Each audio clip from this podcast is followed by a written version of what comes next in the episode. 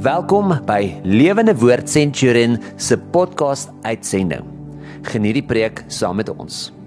Here baie dankie dat ons U naam weer kan loof en prys. Dankie dat ons U kan aanbid. Here ek dink so aan aan daai wonderlike skrif wat sê this is the day that the Lord has made. Let us rejoice and be glad in it. Here ons kies om vandag te sing en vol vreugde te wees oor weer eens 'n wonderlike dag. 'n Wonderlike toekoms wat U vir ons beplan en aan mekaar gesit het. Ons eer U as ons koning, ons Here. Dankie Jesus. Amen. Nou um, man, dis so lekker om met jou te gesels. Ek's in midde in 'n reeks oor oor autoriteit en en en wat beteken dit om onder autoriteit te staan en wat wat is ons autoriteit? Uh, ons het vir mekaar gesê in 'n vorige week dat God is ons opper autoriteit bo alles. Maar ek wil vandag net eers begin voordat ons terugkyk na verlede week en die week voor dit wil ek net eers begin deur te sê, het jy ooit daaraan gedink uh dat Jesus eintlik as ons nou praat oor autoriteit en en en so twee weke terug het ons gesê dat Satan is die opperste rebel van alle rebelle en dat ons eintlik glad nie teen autoriteit mag of moet rebelleer nie. Ons moet 'n gees van onderdanigheid hê. Maar nou is die vraag, het Jesus enigsins gerebelleer? Hy het uh, uh, verseker opgestaan teen die geestelike gesag en die politieke gesag van sy tyd. Uh daar's verskeie skrifte wat ek vir jou kan lees. Markus 11 vers 27 tot 33 as hulle uh die die die gesag, die geestelike gesag, die fariseërs en skrifgeleerdes van die tyd vir hom vra met watter autoriteit uh jaag hy demone uit, uh, uh genees hy mense en dan dan kies hy om hulle nie te antwoord nie. Hy's nie gehoorsaam aan aan hulle opdragte nie. Hy sê sê, sê my net eers gou iets anders dit. Wat se gesag het Johannes die Doper opgetree? Dan sê hulle nee, dan besef hulle as hulle een ding sê is hulle moeilikheid, as hulle 'n ander ding sê is hulle nie moeilikheid, dan sê hulle nee, ons gaan nie antwoord nie. Sê Jesus, dan gaan ek julle ook nie antwoord nie. Ek hou so daarvan. Markus 12 vers 17 dan praat hy oor geestelike gesag en en en autoriteit van die keiser en die keiser het net gesag wat die Here vir hom gee en dan in Johannes 12 in Johannes 19 as Jesus gearresteer word dan ehm um, sê in vers 11 uh het konfronteer Pilatus hom. Dan sê hy u sou geen bevoegdheid Jesus antwoord vir Pilatus u sou nie gesag of bevoegdheid gehad het as dit nie was vir my uh oor my as dit nie was van wat van bo af gekom het en vir jou gegee is nie. Daarom het hy wat my aan u uitgelewer het nog groter skuld. En hy hy praat nou van natuurlik van uh die geestelike gesag van Israel So die interessante is daar is gesag ehm um, en en en Jesus onthou net uh, ons moet altyd bly onthou dat Jesus die gesag bo alle gesagte is.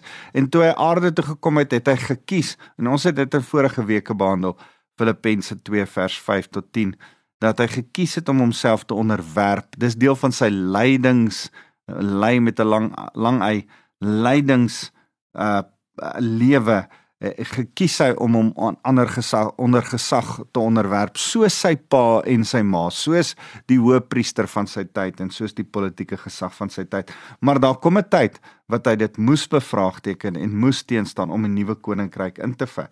En en dan bring dit by my my by die vraag van wat ons vandag oor wil gesels is hoe verskil ek met 'n leier? Hoe verskil ek met onder autoriteit. Autoriteit wat bo oor ons aangestel is. Jou baas. So rukkie terug praat ek oor die woord kyrios, baas. Uh die die Griekse woord kyrios is 'n baie mooi woord. Ons het dit Here vertaal in in die Afrikaanse vertaling. Maar niemand jy jy, jy kom hier by jou by jou werk en dan sê jy vir jou kyrios, jou baas, jou leier, jou oppergesag, jou gesag oor jou aangestel, sê jy nie ehm um, my Here nie. Verstaan jy? Dis nie meer hoe ons in Afrikaans praat nie. Jy het 'n baas. Die, jou baas by die werk of jou leier of jy geestelike leier, jou pastoor, jou dominee of jou ehm um, jou man uh of uh jou pa as jy nog 'n kind is. Uh iemand in gesag oor jou aangestel. Uh jou raadslid, uh, jou president gesag oor jou aangestel. Um afgewentelde gesag van die president af is die polisieman wat op die hoek van die straat is. Hoe verskil ek met hom? Mag ek met hom verskil? Kan ek verskil? Jy mag verseker verskil, maar voordat ons daarby kom en ek jou interessante uh storie uit die Bybel uit, ek wil 'n mooi verhaal lees uit die Bybel uit wat daaroor gaan, wil ek eers net sê. Onthou ons het die eerste week gepraat oor autoriteit en onderwerping aan gesag. Dis goddelik.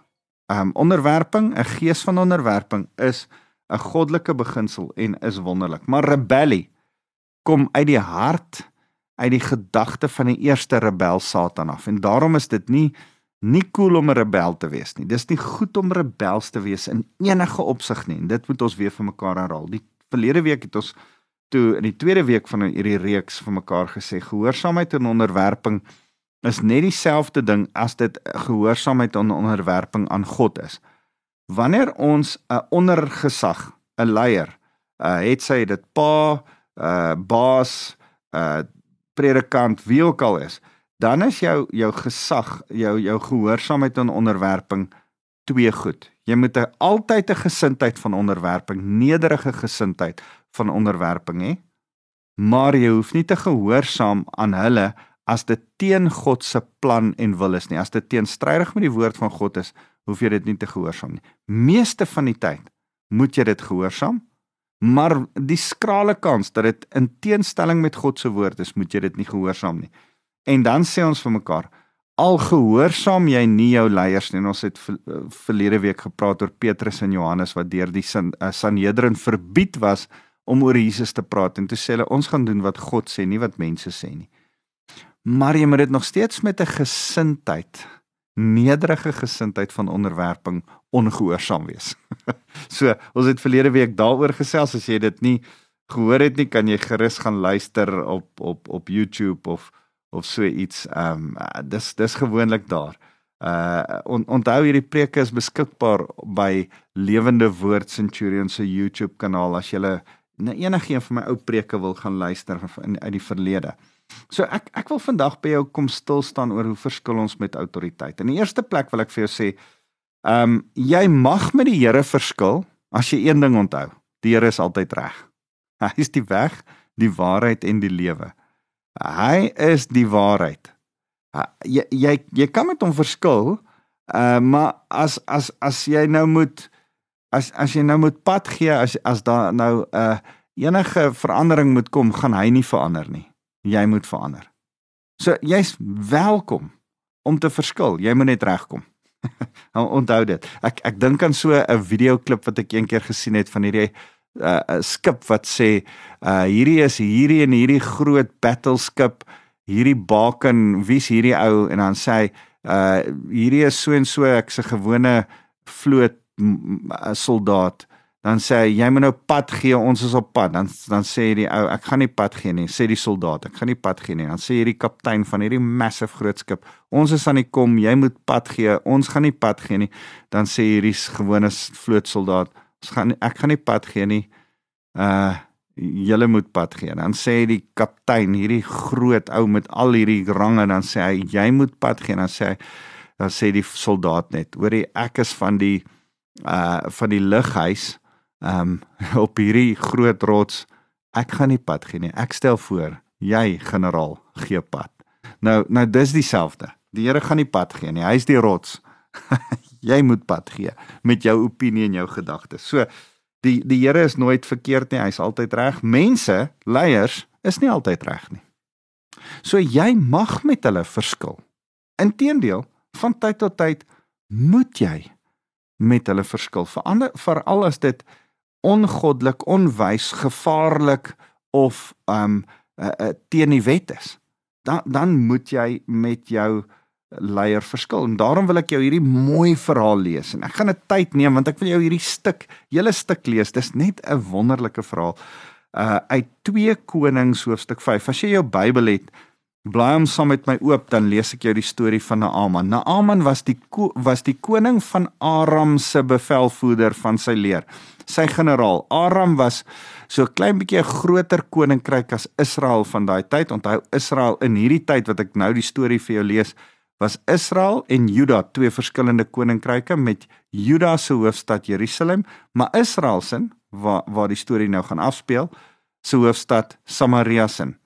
So Naaman Naaman was hulle bure Aram se generaal, se gevegsgeneraal, se leerowerste. Hy was 'n belangrike man en hoog in aansien by die koning want die Here het deur hom groot oorwinnings aan Aram gegee. Hoewel Naaman 'n magtige krygsman was, was hy melaats. Hy was 'n held in sy land, maar hy was melaats. Die Arameërs het strooptogte in die land Israel uitgevoer en 'n jong Israelitiese meisie gevang en sy het die diensmeisie van Naaman se vrou geword. Net so bietjie agtergrond waar hierdie vroutjie vandaan kom wat nou die eintlik die hero in ons storie nou verder gaan vorm. Nou vers 3 sê sy het haar meesteres gesê: "As meneer die die leerooferste Naaman net na die profeet in Samaria kan gaan, sal hy hom van sy melaatsheid gesond maak." Hierdie diensmeisie, ons weet nie wie sy was nie, het op een of ander manier geweet van Elisa en sy het gesê, "Man, as hy net na Elisa toe kan gaan, na hierdie profeet. Miskien het sy nie eers die profeet se naam geken nie, maar sy het geweet daar is 'n profeet in Israel en sy sê as hy maar net na hierdie profeet toe kan gaan. Naaman het die koning gaan ver, vertel wat die diensmeisie uit Israel gesê het. Gaan gerus sê die koning van Aram, ek sal 'n brief skryf wat jy vir die konings van Israel kan gee en Naaman het toe gegaan en hy het 342 kg silwer, 86 kg goud en 10 stelle klere saamgeneem. Hy het die brief aan die koning van Israel gegee en dit het gelei: Ek stuur my dienaar Naaman met hierdie brief na jou toe sodat jy hom van sy melaatsheid kan gesond maak, die arme koning.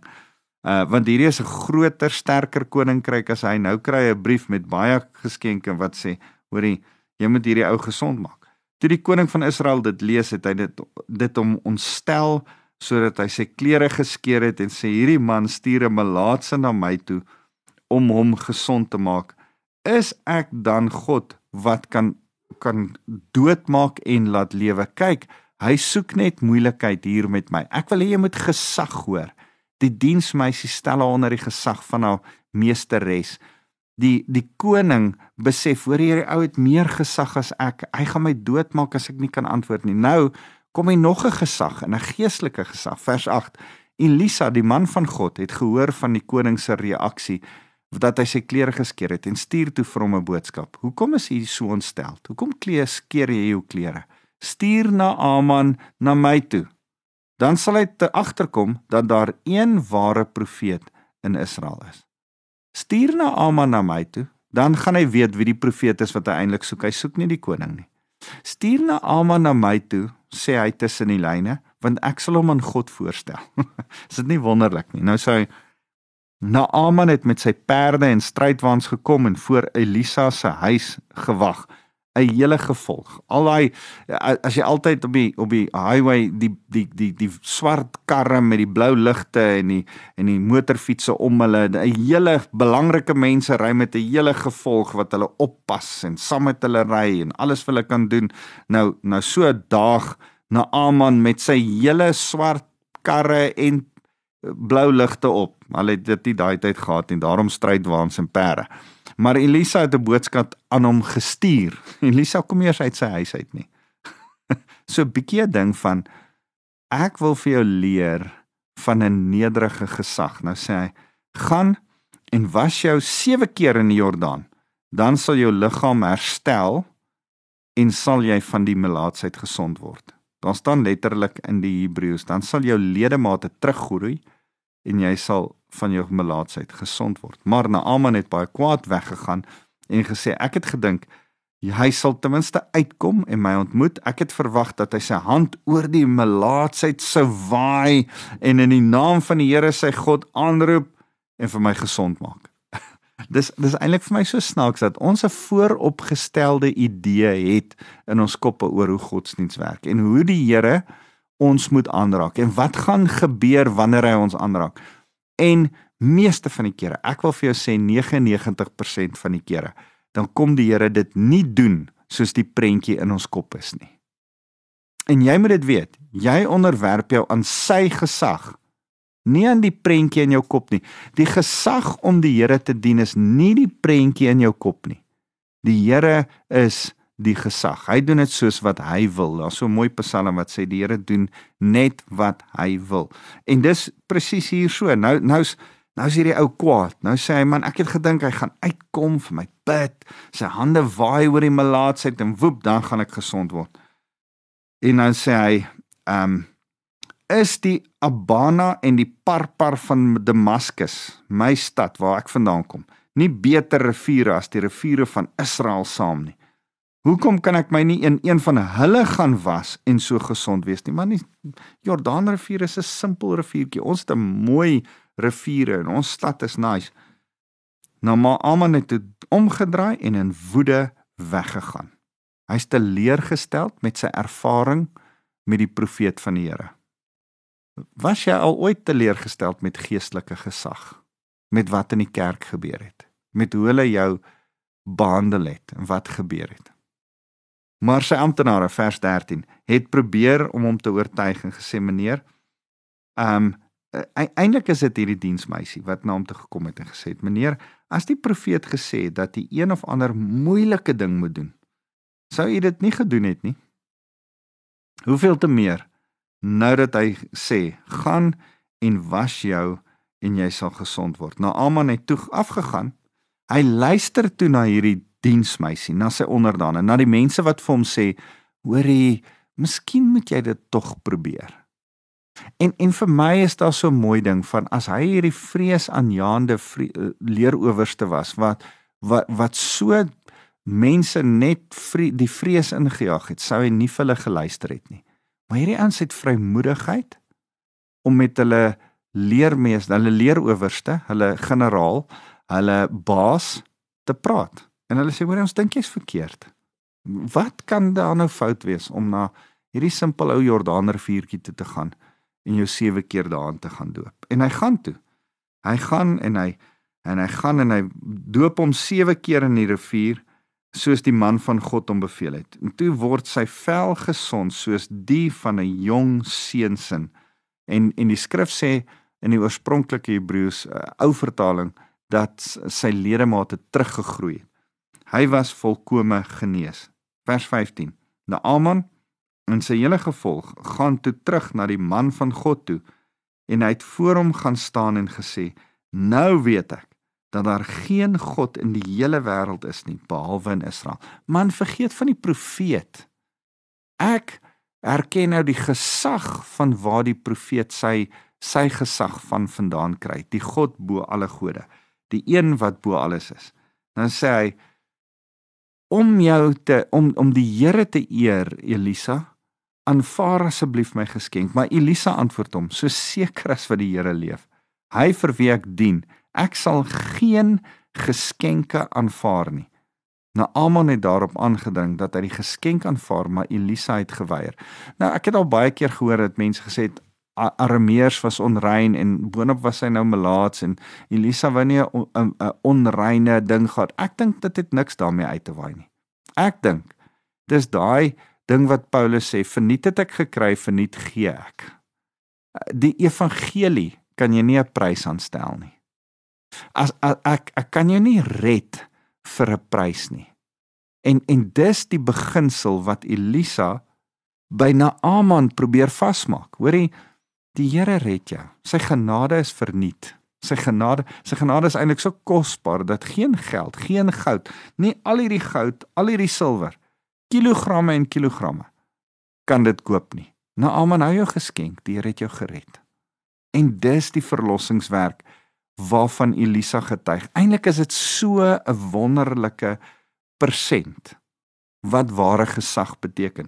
Naaman sê toe vers 17: As u dit nie wil neem nie, sal u toelaat dat ek 2 myl vragte grond kry om saam te vat. Vanaf sal ek nooit weer brandoffers of ander offers aan enige god bring as as net die Here nie. Met ander woorde, ek wil 'n stuk grond vat, dit oopgooi en daarop aanbid want ek wil die Here van Israel aanbid. Maar mag die Here my vergewe. Hoor nou hierdie mooi gesags storieetjie hierin, hierdie mooi beginsel. Maar mag die Here my vergewe ten opsigte van hierdie een ding. Hierdie ou het eintlik tot bekering gekom. Nou sê hy, Here, ek wil U dien. Mag ek nog werk in Aram? Ek moet die koning help.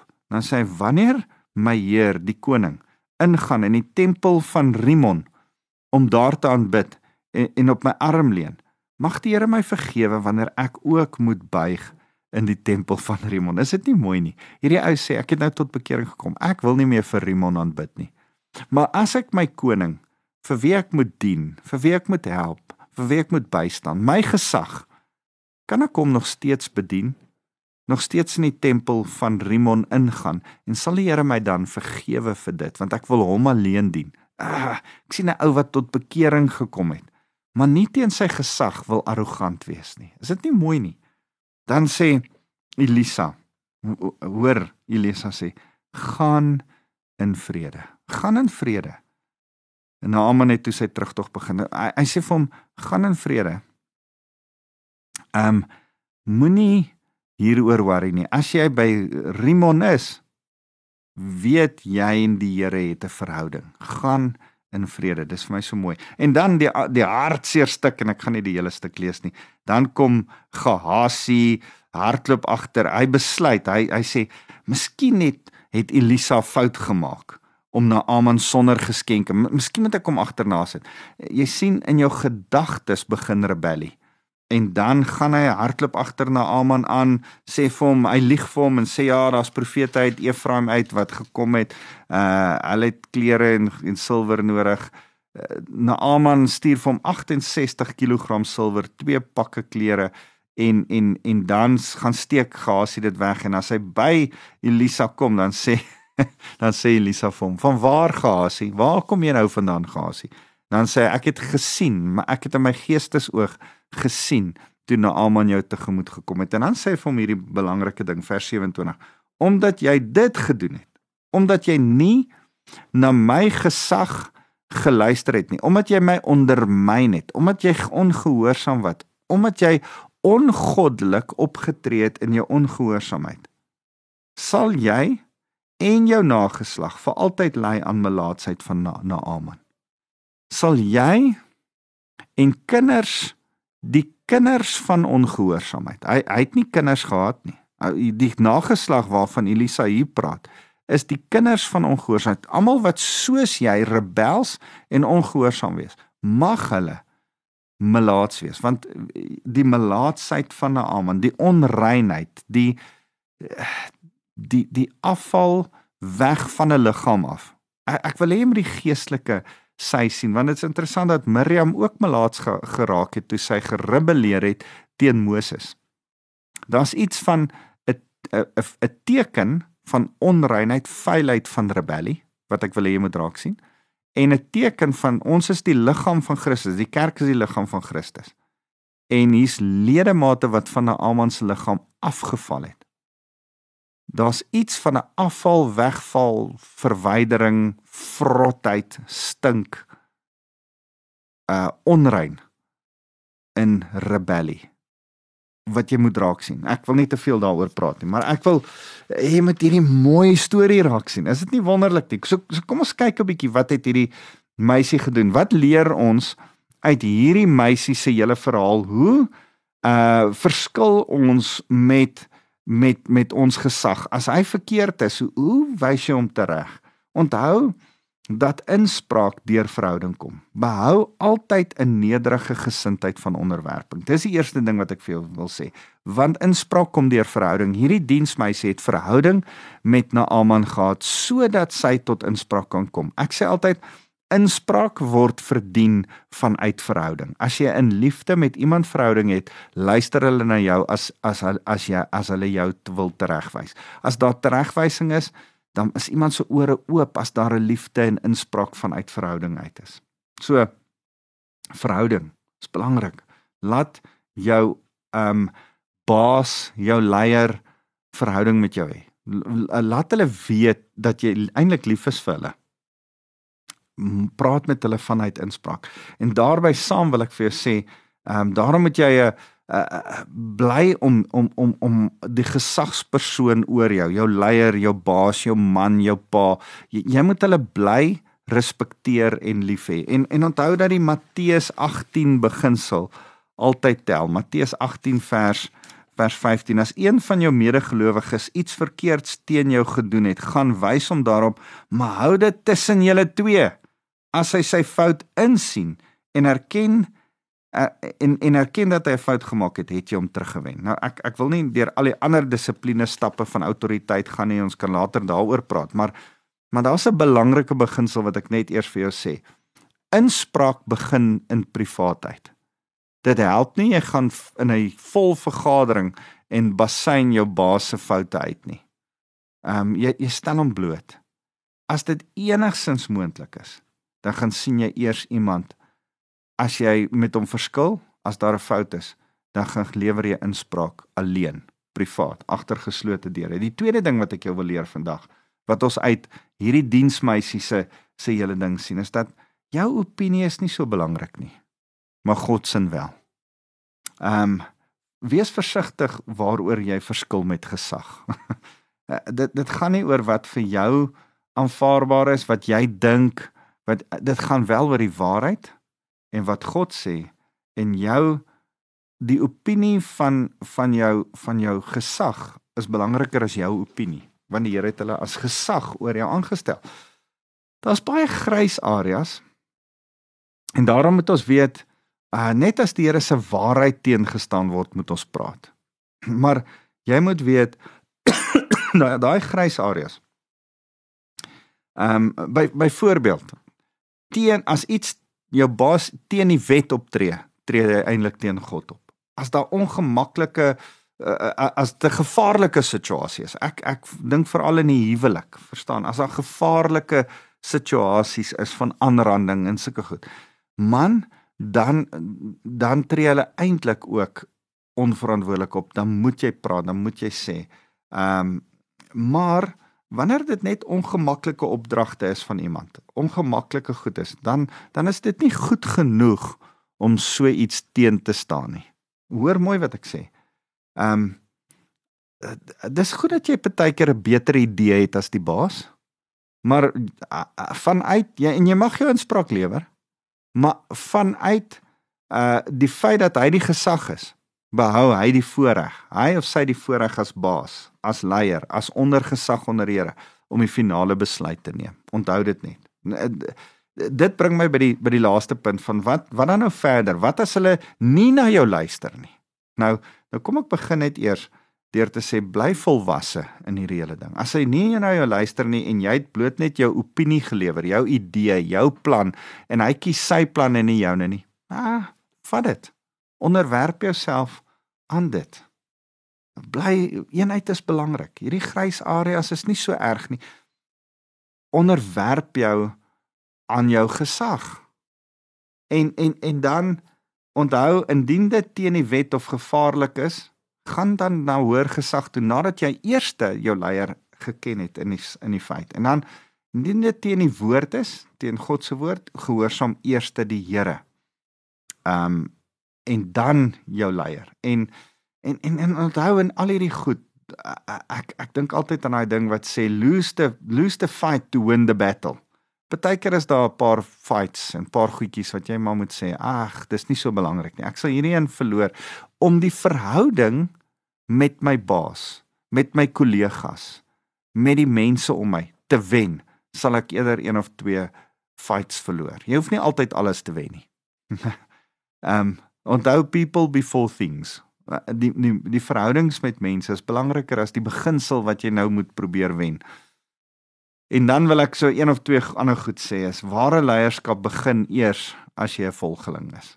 As as jy verstaan wat dit is om te volg, kan jy lei ek, ek dink so mooi en en ek wens ek kan nog meer daaroor sê, maar die 5de gebod, eer jou vader en jou moeder sodat jou dae verleng mag word in in die land wat die Here vir jou gee. Um die eerste 4 gebooie, 4 van die 10 wette is jou verhouding met die Here. Die laaste 4 is jou verhouding met mense. Die 5de een in die middel is jou verhouding met die Here en met mense, want dit gaan oor autoriteit. Gaan lees dit weer gerus 'n bietjie. En uh die ander ding ten slotte wat ek wil sê, 'n disipel is nie 'n slaaf nie. deel van leierskap is mentorskap en daarom moet leiers toelaat dat uh die disippels, mense wat hulle oplei, jou kinders ook, inspraak in jou lewe gee. Inspraak en teregwysing. My kinders het dikwels vir my gesê, "Pa, ek dink pa's verkeerd." En en en as jy 'n goeie leier is, dan weet jy inspraak help om jou veilig te hou. Ek het so 'n interessante artikel gelees rondom vleeniers in Amerika en chirurge in Amerika. En hulle sê vleeniers maak minder foute as chirurge. Ek, ek ek sê net wat die artikel sê. Vleeniers maak minder foute as chirurge want hulle hiërargiestelsel in vliegtye is nie so so streng nie. 'n Vleenier luister baie maklik na 'n medevleenier en na iemand anderste oor foute wat begaan kan word want hulle weet die vliegtyg kan val. Maar in 'n operasiekamer is daar streng hiërargie tussen die chirurg en die narkotiseer en die susters en almal wat daar is. En en almal is 'n bietjie bang vir die chirurg en wanneer hy 'n fout maak, aan die verkeerde orgaan opereer of 'n verkeerde ding doen, dan sal iemand hom nie maklik korrigeer nie. En daarom is hierdie hele studie gedoen oor dat vleeniers minder foute maak as chirurge. Ehm um, interessant. Ek en jy moet toelaat dat mense inspraak in ons lewe gee. Dis altyd goed. Onthou inspraak gebeur altyd vanuit liefde. Liefde. As jy as volgeling begin deur liefde wees vir jou baas. Volgende week praat ek met jou oor hoe om te bid vanuit 'n beginsel van liefde vir jou baas, vir jou leier. Kom ons bid saam. Here baie dankie vir gesag oor ons aangestel. Here ons weet dit kom van U af. Mag ons hulle dan reg hanteer. Mag ons reg met gesag verskil. Here dankie dat ons met hulle mag verskil, polities mag verskil met die wat U oor ons aangestel is. Here, maar ons mag nie in rebellie toi toi skree, goed afbrand nie. Here, ons moet in liefde kom verskil op die regte manier en die waarheid van die evangelie bring as daar korrupsie en verkeerde goed is. Here mag ons dan in wysheid in 'n goddelike wysheid verskil met autoriteit oor ons aangestel as hulle verkeerd is. Maar Here, wanneer hulle vooruit gaan, mag ons hulle bly volg en ondersteun. Elke gesag bo ons aangestel. Here, ons eer U en ons vra U om ons te bly leer wat gesag is en om altyd 'n gesindheid, 'n nederige gesindheid van onderwerping, van onderdanigheid aan die gesag bo ons te hê. Al verskil ons met hulle, Here mag ons nog steeds 'n mooi gesindheid hê in ons verskil met hulle. Here, dit kan net U deur U Heilige Gees kom doen. En daarom kom nooi ons U nou terwyl ek elkeen wat na my luister kom seën mag hulle die seën van die Heilige Gees ervaar. Die Heilige Gees wat hulle harte sag maak en gesindhede verander. Mag hulle die genade van Jesus Christus beleef en dit dan deurgee aan ander mense. Mag ons met ons leiers wat nie perfek is nie, genade hê, want U het met ons genade. Here mag ons die liefde, die liefde wat vir elke verhouding so nodig is die liefde van Vader God uitleef in hierdie wêreld. Dankie Jesus. Amen.